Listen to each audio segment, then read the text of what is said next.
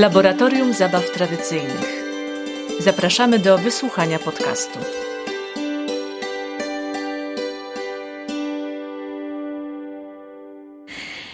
Dzień dobry Państwu. Witam w odcinku podcastu Laboratorium Zabaw Tradycyjnych. Nazywam się Marta Urban-Burdalska. Na co dzień pracuję w szkole jako psycholog, trenerka umiejętności i uważności i równocześnie prowadzę w Olsztynie rodzinne ognisko tradycji muzycznych. W tym roku razem z Martą Domachowską i Karoliną Ociepką oraz Kasią Rosik tworzymy od podstaw koncepcję i prowadzimy projekt Laboratorium Zabaw Tradycyjnych. To jest rozmowa w ramach tego projektu dzięki dotacji Narodowego Centrum Kultury program Etnopolska edycja 2023. Dzisiaj mam ogromną przyjemność gościć Magdalenę Borek. Dzień dobry, witam Was. Magda, bardzo się cieszę, że w ogóle przyjęłaś zaproszenie do naszego projektu. Jesteś w nim ekspertką. Pozwolę sobie powiedzieć kilka słów o Tobie. Jesteś z wykształcenia pedagogiem specjalnym i oligofrenopedagogiem. Dokładnie. Ale także jesteś terapeutą behawioralnym. Studiowałaś za granicą w Anglii i e, w Bornholmie także program CatKit na przykład, który jest po prostu unikatowy i tylko ty, z tego co wiem, jesteś realizatorką tego programu w Polsce. No i na co dzień e, pracujesz bardzo dużo z dziećmi e, ze specjalnymi potrzebami, szczególnie z, e, ze spektrum autyzmu, z zaburzeniami lękowymi, tikowymi. I w ogóle się bardzo cieszę, że jesteś, ponieważ ten kontekst Twojej pracy jest po prostu bardzo istotny dla nas, żeby sprawdzić, jak te zabawy tradycyjne mogą pracować w różnych, w różnych wymiarach terapii. Może chciałabyś jeszcze coś powiedzieć o sobie? Tak jak powiedziałaś, od lat zajmuję się pracą z dziećmi i młodzieżą, ale też z rodzicami tych dzieci, które mają specjalne potrzeby edukacyjne. Głównie to są dzieci w spektrum. Pogłębiam swoją wiedzę, jeśli chodzi o dzieci z zaburzeniami lękowymi i zaburzeniami tikowymi na, na swojej drodze takie dzieci też e, spotykam. Są to dzieci też często ze spektrum właśnie, nie? Dzieci z zespołem Aspergera, mhm. które przejawiają zachowania tikowe na przykład i też dlatego postanowiłam zgłębiać tę wiedzę w tym zakresie. I spotkanie z muzyką tradycyjną było dla mnie niesamowitym doświadczeniem. Bardzo się cieszę, że byłam, byłam w tym wszystkim, uczestniczyłam w szkoleniu i jestem dla Was ekspertem. Dziękuję. Na co dzień pracuję w poradni psychologiczno-pedagogicznej numer 1 w Olsztynie. Tam też y, zajmuję się terapią behawioralną, tak jak wspomniałaś. Spotykam się z dziećmi indywidualnie. Również prowadzę behawioralne treningi rodzicielskie. Jeżeli mam dziecko w terapii, proponuję rodzicom udział. Bardzo często, no, jeśli chodzi o trudności, które pojawiają się z dziećmi, E, dotyczy to całego systemu rodzinnego, dlatego też te treningi ukończyłam takie szkolenie i realizuję treningi behawioralne bądź w grupie, bądź indywidualnie dla rodziców dziecka i prowadzę też treningi umiejętności społecznych. I są to treningi umiejętności społecznych dla dzieci w spektrum oraz treningi umiejętności społecznych dla dzieci przejawiających zachowania tikowe. Mhm, czyli w spektrum, dzieci w spektrum autyzmu. Dokładnie. Jakbyś miała tak najprościej powiedzieć, czym są te treningi umiejętności społecznych, czyli TUSy, albo o co chodzi tak naprawdę w tej mhm. terapii? Tak, żeby nasi słuchacze mieli jakiś ogląd. Są to spotkania, które mm, skupiają dzieci przejawiające trudności w relacjach. Spotykamy się w grupie 5-6 osobowej, są to małe grupy. Głównie spotkania polegają na tym, żeby rozwijać kompetencje społeczne dzieci. Mhm. Czy potrafią nawiązać relacje, w jaki sposób nawiązują te relacje, czy to są um, zachowania akceptowane, wzmacniam te zachowania, jak utrzymać, bo często są dzieci, które potrafią nawiązać, a nie potrafią na przykład na, e, utrzymać relacji Koncept e, tego naszego projektu jest taki, że nasze ekspertki, czyli między innymi Ty, Magda, um, uczestniczyły w warsztatach, e, gdzie przybliżałyśmy te zabawy tak bardzo doświadczeniowo, czyli mhm. razem się w nie bawiliśmy, śpiewaliśmy, ruszaliśmy się. E, I później miałyście zastosować te zabawy w swojej pracy. Mhm. No i właśnie jestem ciekawa, jakie masz e, takie z lotu ptaka refleksje, e, czy po tym doświadczeniu?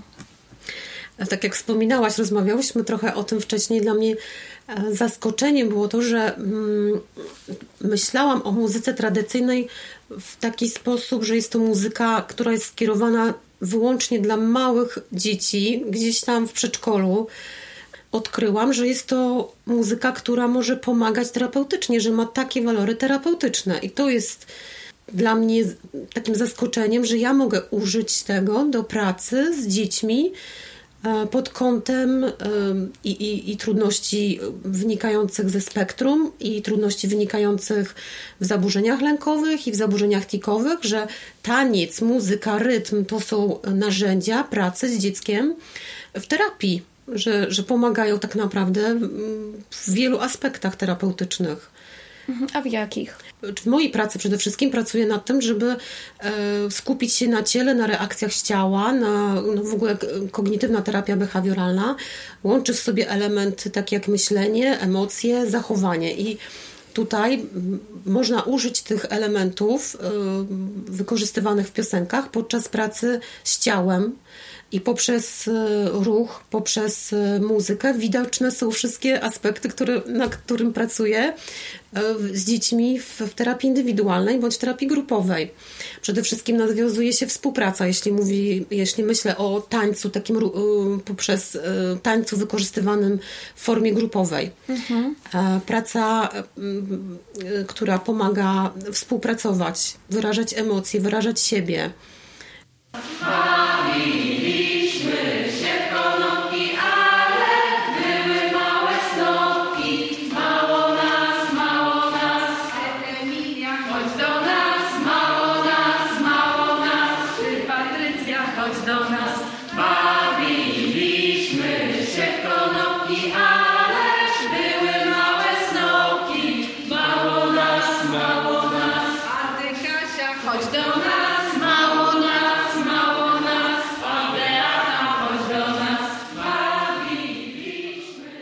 A szczególnie które tańce albo które zabawy, które poznałaś, e, jakieś według Ciebie są cenne, wartościowe w tym aspekcie?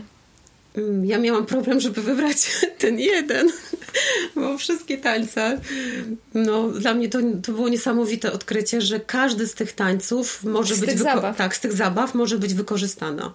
Każda zabawa może być wykorzystana. I Adam, Adam I siedmiu synów Adam miał. siedmiu synów miał dokładnie. E, Gołąbek, Cim Cum Caj, Ciuciu Babka. Ciuciu Babka dla mnie najbardziej chyba taka zabawa, która gdzieś powielałam ją wielokrotnie, która pracuje tak naprawdę na wielu zmysłach. Mhm. A możesz coś więcej właśnie powiedzieć mhm. o ciuciu babce, bo ona się wydaje e, taką zabawą, która jest bardzo znana, niektórzy jej nie lubią, bo mówią, a, bo to jest związane z wykluczeniem, że w ogóle ta osoba, która jest ciuciu babką e, nie do końca jest na równych prawach z grupą, nie? I że może budzić też bardzo trudne emocje i w związku z tym nie stosujmy jej do pracy z grupami, no bo może być za trudno. Jak to w Twoim doświadczeniu jest? Czy inne aspekty, czy te... teraz. Nigdy tak bym nie pomyślał o tej zabawie. A to ciekawe, bo takie głosy też słyszałam mhm. e, od e, mhm. różnych nauczycieli czy edukatorów, którzy ją stosują i gdzieś patrzą na ten aspekt e, integracji czy bycia w grupie. Mhm. A propos tego dziecka, które jest w środku. Tak, tak, rozumiem. I które jest właśnie bez e, możliwości zobaczenia, nie? Że jest mhm. takie poczucie bezpieczeństwa tego dziecka wystawione na próbę tak naprawdę. E, to, to, co powiedziałaś, to może tak e, z innej perspektywy spojrzę na to, że ważne jest, żeby zadbać o bezpieczeństwo tej osoby, która jest w środku, która jest ciuciubabką. Mhm.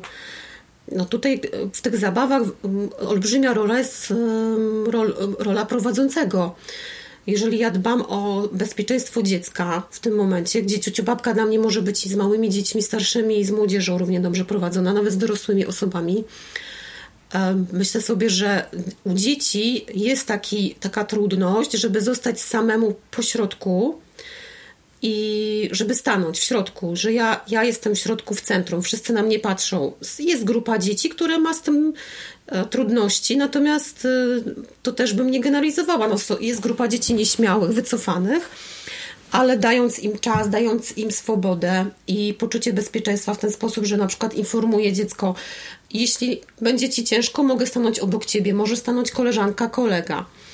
E, jeżeli ciężko ci zasłonić oczy, możemy próbować, czyli stopniowo, tak samo jak w behawiorce, tak?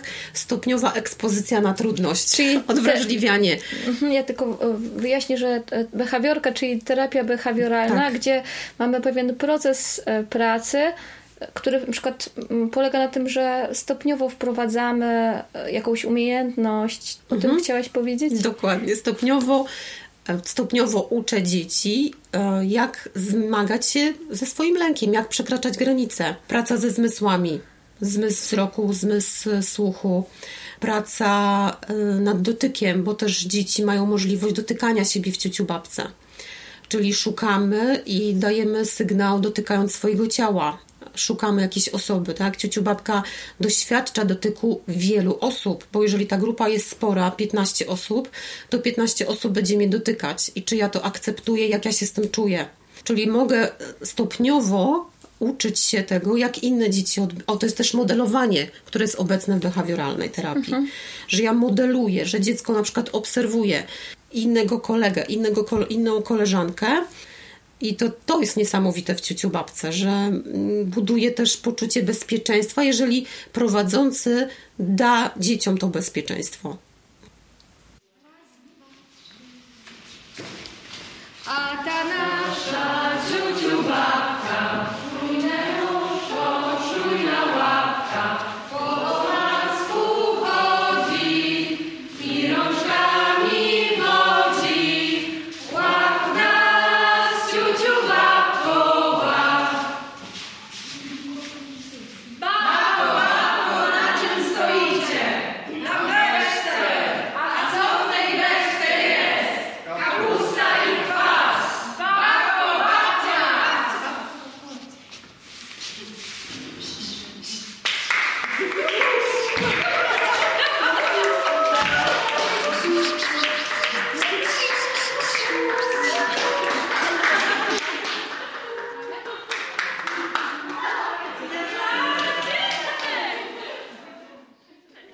Czy są jakieś, nie wiem, walory specjalne właśnie dla pozostałych też zabaw, które stosowałaś? Coś się zaciekawiło, zaintrygowało? Możliwość wykorzystania rekwizytów. Mhm. Gdzieś z tyłu głowy ciągle jestem pedagogiem specjalnym z, z wykształcenia. Mhm. To moje pierwsze wykształcenie i jestem bardzo wdzięczna za to, że, że taką drogą szłam, ponieważ otworzyło mi to też myślenie na nauczanie polisensoryczne i tutaj w tych zabawach jest to tak obecne w moim przekonaniu, że do każdej e, zabawy można wykorzystać na przykład rekwizyty. Tu w gołąbku może to być jakaś zabawka pluszowa, jakaś e, sensoryczna zabawka, która dzieci mogą ściskać, mogą przekazywać sobie z ręki do ręki. I też w edukacji dzieci, takich szczególnie dzieci ze specjalnymi potrzebami edukacyjnymi, pluszaki, zabawki dają poczucie bezpieczeństwa gdzieś mogą e, poczuć się lepiej, że ktoś przekazuje im taką zabawkę, tak? Czyli na mhm. początku wprowadzanie takiego rekwizytu może po, też powodować, że dziecko się otworzy na tą zabawę. Czy dobrze rozumiem, że to polisensoryczne to jest właśnie włączanie różnych elementów poza śpiewem, e, poza ruchem, poza prowadzeniem, tym modelowaniem, mhm. to jeszcze te rekwizyty mogą e, w większym stopniu e, dać jakieś odczucia, czy sensoryczne. A jak powiedz e, ci się je wprowadzało? No bo wymagały od ciebie i śpiewania, i ruchu, i w ogóle jakby dania takiego przekazu grupy. Jak to było dla ciebie? Ja bawiłam się razem z dziećmi fantastycznie. Aha, e, czyli było przyjemnie. Przyjemnie było. E, myślę, że gdzieś sięgnęłam też do swoich początków, kiedy pracowałam jako pedagog specjalny, bo wyrosłam z Weroniki Sherborn. Początki takiej mojej pracy pedagogicznej to była właśnie praca z ciałem. Stopniowo, stopniowo otwierałam się na inne doświadczenia, ale czułam, że to jest coś takiego dla mnie też. Ja się, ja się dobrze czuję w ruchu, w działaniu.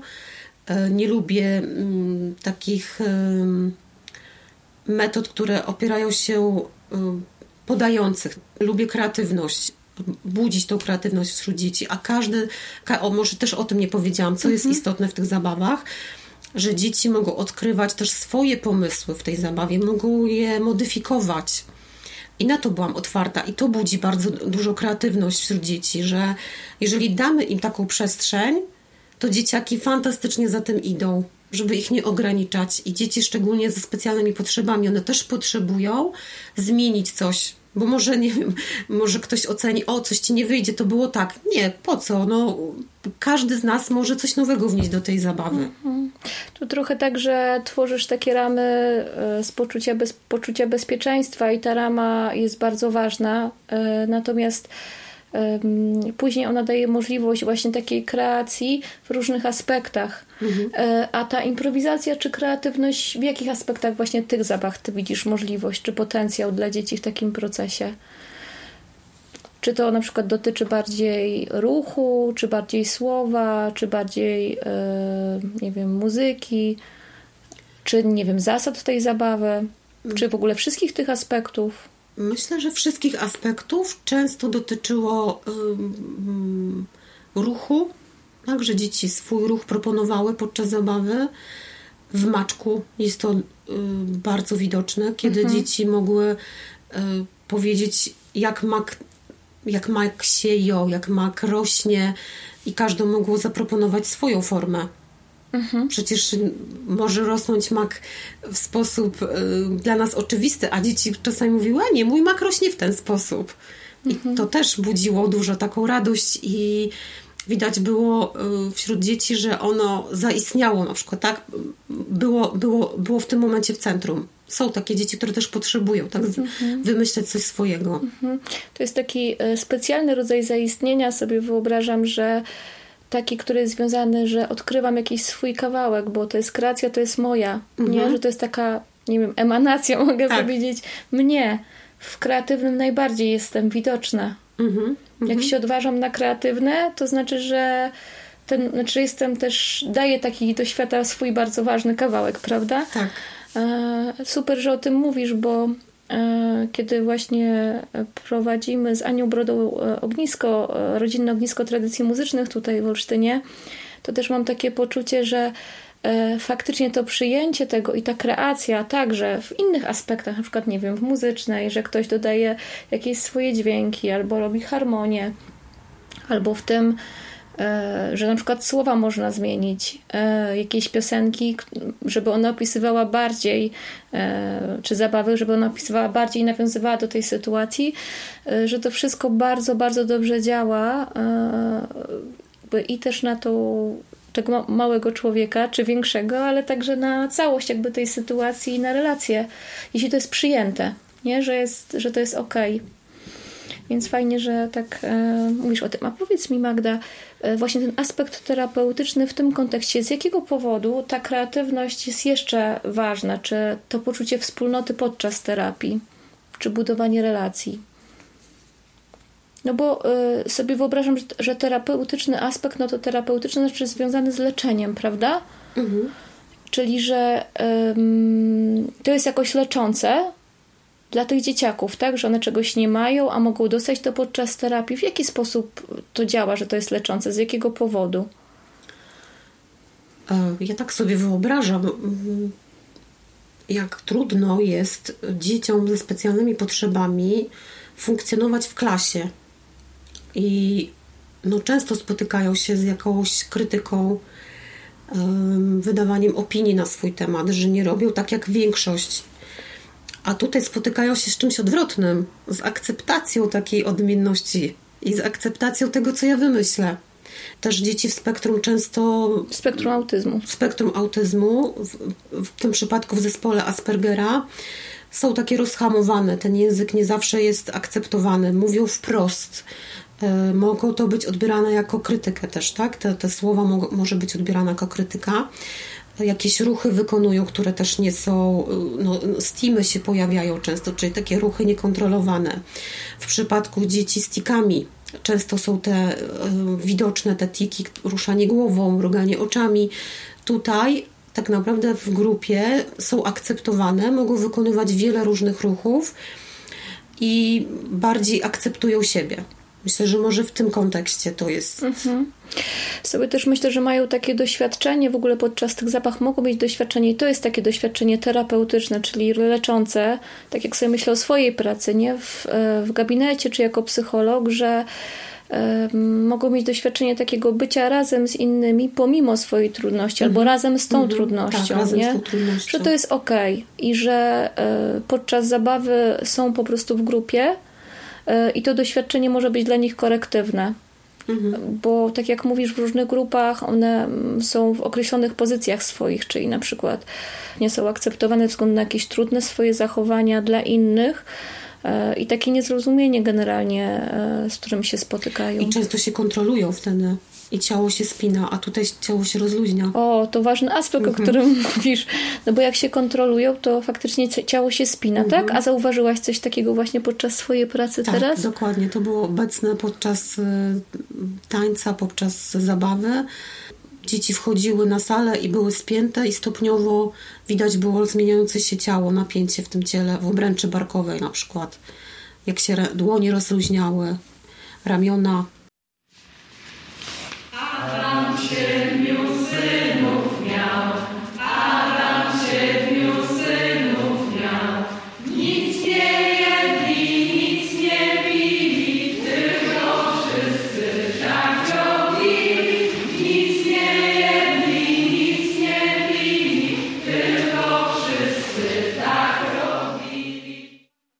z racji tego trwania naszego projektu, on jest po prostu bardzo krótki i to, o czym teraz rozmawiamy, to są pewne zaczątki, mam takie poczucie, tak? Jakieś twoje obserwacje, które zrobiłaś na bardzo krótkiej, bo miesięcznej pracy z tymi zabawami, z różnymi grupami i bardziej mam takie poczucie, że bardzo interesujące jest to, co ty masz do wniesienia jako ekspert w tym, co może się wydarzyć, co jest potencjalnością w tym.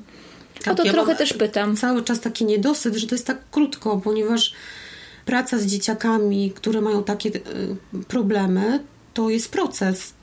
I żeby zaobserwować to, co e, przyniesie, to jak, jakie, jakie efekty będą poprzez wykorzystanie tych zabaw, wymaga czasu. Nie? I to taki krótki moment, to taka, e, jak gdyby taki pilotaż, tak dla mnie w pracy mojej. Mhm. Nie? To na pewno jest taką bazą, można to wykorzystać jako element terapii. Bazą do czegoś większego. Ale co dalej, to, to zobaczymy, nie? Czyli widzisz ten potencjał, e, jak słyszę, i że e, jakbyś miała określić na skali, nie? po naszemu, czyli zrobimy teraz 10. skalowanie. Na ile Brak. widzisz taką potencjalność właśnie do tego, żeby te zabawy eksplorować z Twojej perspektywy terapeuty behawioralnego w tych konkretnie trudnościach, o których rozmawiamy? chciałabym sprawdzić. Chciałabym sprawdzić dalej, rozwijać to i wykorzystywać w swojej pracy. Że to jest mhm. potencjał, który jest niewykorzystany. A czy to w ogóle się, Magda, spotkałaś wcześniej, e, mm, nie wiem, w jakichkolwiek środowiskach w Polsce albo za granicą? No bo tak jak e, mówiłam wcześniej, i studiowałaś w Anglii, i katkit robiłaś na, Bo na Bornholmie, gdzie no, mhm. naprawdę są takie unikatowe Twoje doświadczenia we współpracy z różnymi osobami, terapeutami z e, innych krajów. Czy spotkałaś się w ogóle z wykorzystaniem muzyki tradycyjnej y, gdzie indziej, w taki sposób terapeutyczny? Muzyki, kultury tradycyjnej, w ogóle w różnych aspektach tradycji? Ja myślę, że w wielu krajach jest to wykorzystywane mm, jako, jako forma terapii. Byłam uczestnikiem warsztatów we Francji. W Anglii, gdzie pracowałam i żyłam mm, no, około pięciu lat, i tam na co dzień e, wykorzystywane są wprawdzie z młodszymi, z młodszymi dziećmi tańce angielskie. W edukacji e, myślę, że w naszym kraju jest potencjał. Są rejony, gdzie jest wykorzystywana ta muzyka tradycyjna, jednak mogłoby to być y, traktowane jako element edukacji też szkoły podstawowej. Nie wydaje mi się, że to jest wykorzystywane na tyle, na ile może być wykorzystywane. Mhm, może masz też e, szerszy obraz i inny niż ja mam, bo w moim przeżyciu to jest tak, że faktycznie nauczycielki naucza, nauczania wczesnoszkolnego mhm. albo przedszkolnego, jeśli e, mają możliwość, to korzystają z tego. Na przykład w Olsztynie jest e, teraz taki projekt przez Pałac Młodzieży prowadzony, edukacja regionalna i tam dzieci mają możliwość w ogóle poznania różnych aspektów i takie są też treści w podstawie programowej. Natomiast ja bardziej pytam właśnie o ten aspekt terapeutyczny. Czy spotkałaś się z tym, że mm, nie wiem, w Polsce albo gdzieś za granicą, gdzie byłaś, że e, zabawy tradycyjne na przykład, albo w ogóle różne aspekty tradycji, bo sobie myślę o takiej materialnej też kulturze, czy były wykorzystywane, czy się w ogóle z tym spotkałaś? Nie, nie, nie kojarzę. Czyli... Było to obecne w kulturze, tam gdzie y, miałam okazję być, natomiast czy w terapii? Nie. No to jesteśmy innowacyjni. Innowac innowacja to Tak, jest. to jest w ogóle, wiesz, zobacz, że w takim razie ta twoja praca jest naprawdę czymś bardzo, bardzo nowatorskim. Mhm. O tej kreatywności rozmawiałyśmy, o tym, że też jest ważna ta baza, poczucie bezpieczeństwa. Czy jeszcze jakieś inne walory z perspektywy terapeuty behawioralnego widzisz, tak, które ci teraz przychodzą na tu i teraz, wiesz? Na zakończenie naszego projektu, bo tak naprawdę mamy teraz finał. Myślę, że jest wiele dziedzin, no nie tylko w terapii behawioralnej, które te zabawy mogłyby być jeszcze zbadane i odkryte, no bo jestem też neurologopedą i tak sobie myślę o takim obszarze logopedii, y, o którym nie wspomniałam, ale gdzieś też zajmuję się takimi dzieciakami w terapii behawioralnej, które przejawiają zaburzenia związane z niepłynnością mówienia, jąkaniem. I dla nich to też jest fantastyczna przygoda i obcowanie z tymi zabawami wiele takich rzeczy, które gdzieś jeszcze można odkryć i zbadać. Mhm. I zastosowanie tych, tych mhm. zabaw. To, co tak dla mnie wybrzmiewa też e, z odsłuchu, wiesz, e, z różnych osób, z którymi rozmawiam, które stosują te zabawy w różnych swoich aspektach pracy, to mówią, że e, coś jest wspaniałego w tym, że można się bawić, nie, nie mając poczucia, że się pracuje nad tym. Mhm że e, gdzieś tam ja też uważam, że ten walor tej, tych zabaw jest po prostu bardzo ważny, bo jest radość z bycia razem. E, właśnie jak jest ten element kreatywny, to jeszcze to jest podkręcone niejako. I że no gdzieś w, tutaj jest to super narzędzie, że można różne bardzo ważne aspekty, czy respektowania zasad w grupie, mówię o pracy w grupie, czy właśnie modelowania różnych zachowań, czy akceptacji poza słowami tak naprawdę, nie? Dla Twojego ruchu, dlatego, że jesteś widziany, słyszany jako Ty, jako Ty. E, I że możesz sobie poradzić ze swoim lękiem, to co mówiłaś z tym, co, e, e, że stopniowo coś wprowadzasz, żeby móc oswoić się z różnymi swoimi emocjami i żeby z emocjami, ze swoim trudnością, tak, żeby z nią jakoś pracować w tym procesie, to że tutaj to jest taka przestrzeń, nie? W tak. tym. I że to jest też takie dla mnie też niesamowite. I dla mnie to jest takie odkrycie tego projektu, wiesz, bo e, pracując e, sobie w, tymi zabawami w szkole wcześniej, poddawałam to refleksji, na przykład w kontekście konkretnych celów. Dobra, miałam taki cel, wiedziałam, że w tej grupce e, mam właśnie dziew, dziewczynkę e, i chłopca ze e, zespołem Aspergera i e, że kierując do całej grupy też jakby prowadząc tą zabawę, wprowadzając i później jak zasady były wprowadzane, czy później w trakcie, to naturalnie chyba było tak, że razem z nauczycielką włączałyśmy je i tworzyłyśmy takie zasady, które będą sprzyjały, żeby oni mieli taką akceptację na przykład, nie? Ale nigdy nie miałam takiego momentu, żeby to tak w całości zobaczyć, jaka to jest wartość tych zabaw. I tak się bardzo cieszę z Twojego udziału tutaj, bo powiedziałaś o tym, że jest szansa i możliwość, żeby to po prostu jeszcze wyprowadzić dalej, tak, że widzisz taką potencjalność i że jesteś chętna na to 10, żeby w ogóle to jakoś zgłębiać, bo że to jest dla Ciebie ciekawe. Taki element, który też pojawił mi się teraz w głowie, mhm. to ta funkcja diagnostyczna. Wchodząc na grupę, nową grupę, zabawy mogą stanowić takie wyjście dla pedagoga, dla terapeuty z obserwacją i diagnozą dziecka. Bardzo szybko poprzez zabawę widzimy mocne i słabe strony dziecka, i to może być taki element, gdzie ja rozpoznaję poprzez obserwację, jak to dziecko funkcjonuje w danej grupie, jakie ma trudności, z czym się boryka na co dzień, y, co mu wychodzi lepiej, co mu wychodzi trudniej. Czyli tak naprawdę diagnoza poprzez poprzez mhm. ruch, poprzez mhm. zabawę. Tak, i to w naszej pracy w ogóle jest bardzo ważny aspekt i taki kluczowy tak naprawdę, żeby później dobrze zaplanować ten plan y, terapeutyczny tak. dla tego dziecka, bo wtedy można trafić konkretnie w to, co jest potrzebne, ale także... cele dla tego dziecka też, nie? Naszej, naszej pracy. Dokładnie, jakby na co będzie ono, czego ono potrzebuje, jaki jest cel, ale także to, co ono jest w stanie zrobić i gdzie będzie miało postępy, nie? No mhm. bo to jest zawsze taki balans pomiędzy tym, co jest trudnością, ale jakie ma zasoby do tego, żeby w żeby ogóle to, coś zrobić. Żeby tak naprawdę też pracować z własnymi ograniczeniami, nie? I z przekraczać sferę komfortu swojego. Mhm. Czyli taka funkcja diagnostyczna, nie wiem czy dobrze zrozumiałam Cię, że jak jest na przykład takie dziecko z trudnościami, e, że przeżywa dużo lęku, albo właśnie ma zespół Aspergera, że można też sprawdzić e, w grupie, jak ono się bawi razem, na jakim to jest poziomie, tak? Jakie są mhm. E, te umiejętności potrzebne do wsparcia. Czy... Co jeszcze mogę zrobić jako prowadząca? Czy ono na przykład ma, nie wiem, potrzebę pracowania z napięciami w ciele, w jaki sposób, tak? Mhm. Albo że no to może być takie wieloaspektowe zobaczenie, bo i w tym, jak ono mówi, jak się zachowuje niewerbalnie, tak, to co robi ze swoim ciałem, jak wchodzi w relacje, E, jak się zachowuje wobec zasad, co się zadzieje, jak te zasady Wszystko to, zostaną, co mówisz, dokładnie. zostaną właśnie jakoś tak nie e, zmienione na przykład, co ono na to, jak on jest, ono jest też w kreatywnej sytuacji, czy ono wychodzi, czy raczej jest tak, że ma jakby w tym taki blok dla czy siebie, się wycofuje. czy się wycofuje właśnie. Mhm. Thank you.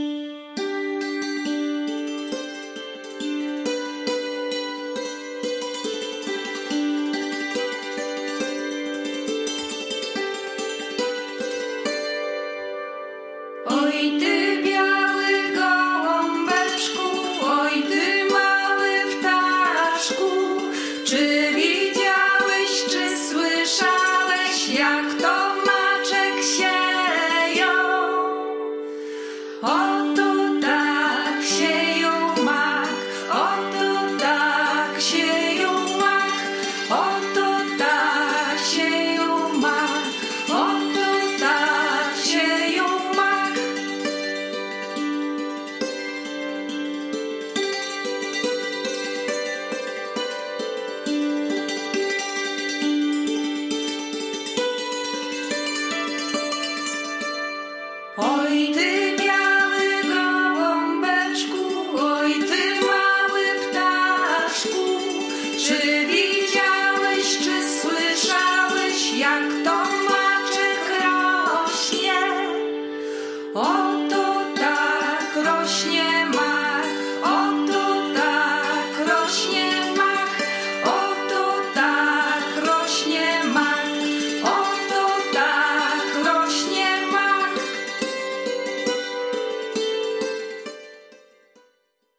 Takie poczucie, że nie wyczerpałyśmy kompletnie tematu.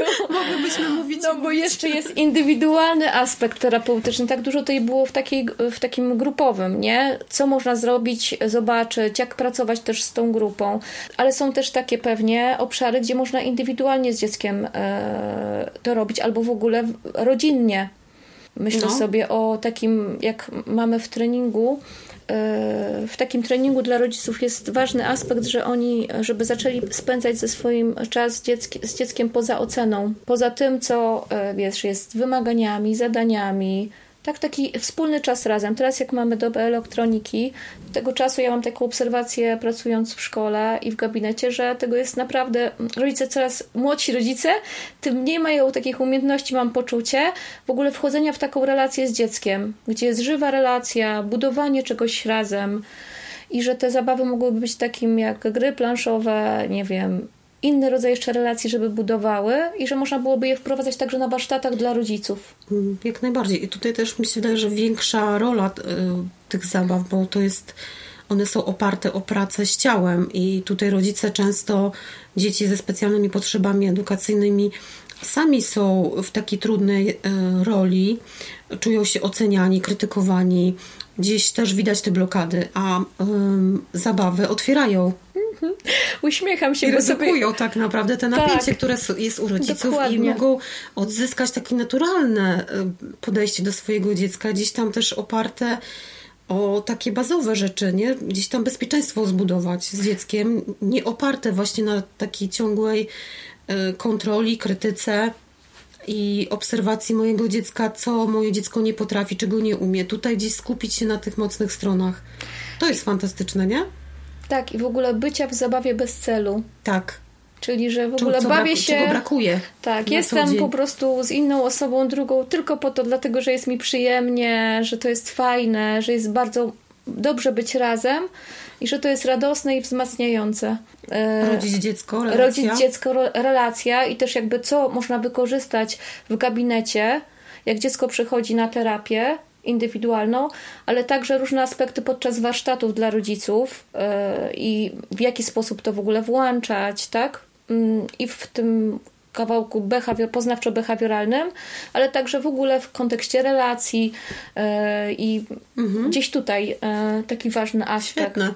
Inspiracja. Inspiracja. To było właśnie moje trochę pytanie, ta inspira, czy w ogóle co, może, co jest jeszcze możliwe, jakie kierunki są możliwe, no to chyba też te tak, dwa, nie? Te dwa jak najbardziej. I plus jeszcze to, e, co się dzieje w tym grupowym i także takie wnikliwe właśnie do jakich celów terapeutycznych można zastosować każdą z tych zabaw, bo e, z lotu ptaka to jest tak jak powiedziałaś, ale też myślę sobie, że każda z nich ma jakąś swoją specyfikę i e, daje możliwość pracy konkretnie z konkretnym celem, który sobie stawiamy.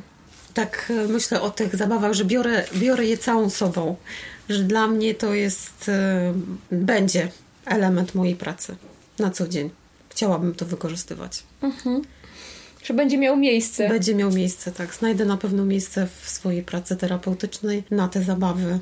Właśnie będzie okazja podczas następnych projektów, bo też o tym myślimy tutaj w zespole, mm, że to ten niesamowity potencjał się teraz pokazał i żeby e, dać możliwość taką, żeby to dalej eksplorować. Bardzo, bardzo Ci dziękuję ja za rozmowę. Dziękuję, Marta. Moim gościem e, była Magdalena Borek wspaniała ekspertka od pracy z dziećmi mm, i z rodzinami e, w spektrum autyzmu, z trudnościami ADHD, zaburzeniami lękowymi i tikowymi.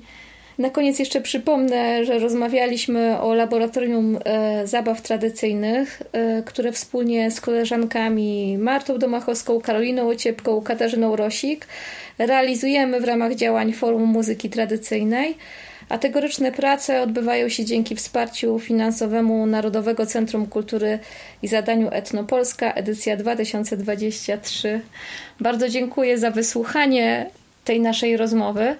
E, bardzo e, zapraszam e, do sięgnięcia w ogóle do tych zabaw. Tutaj się pojawiły różne tematy, konkretne zabawy, a także dźwięki, które nagrałyśmy w ramach projektu. I to wszystko jest dostępne w zakładce dla edukatorów na stronie muzykatradycyjna.pl. Dziękujemy za wysłuchanie podcastu. Forum Muzyki Tradycyjnej. Więcej materiałów na stronie muzykatradycyjna.pl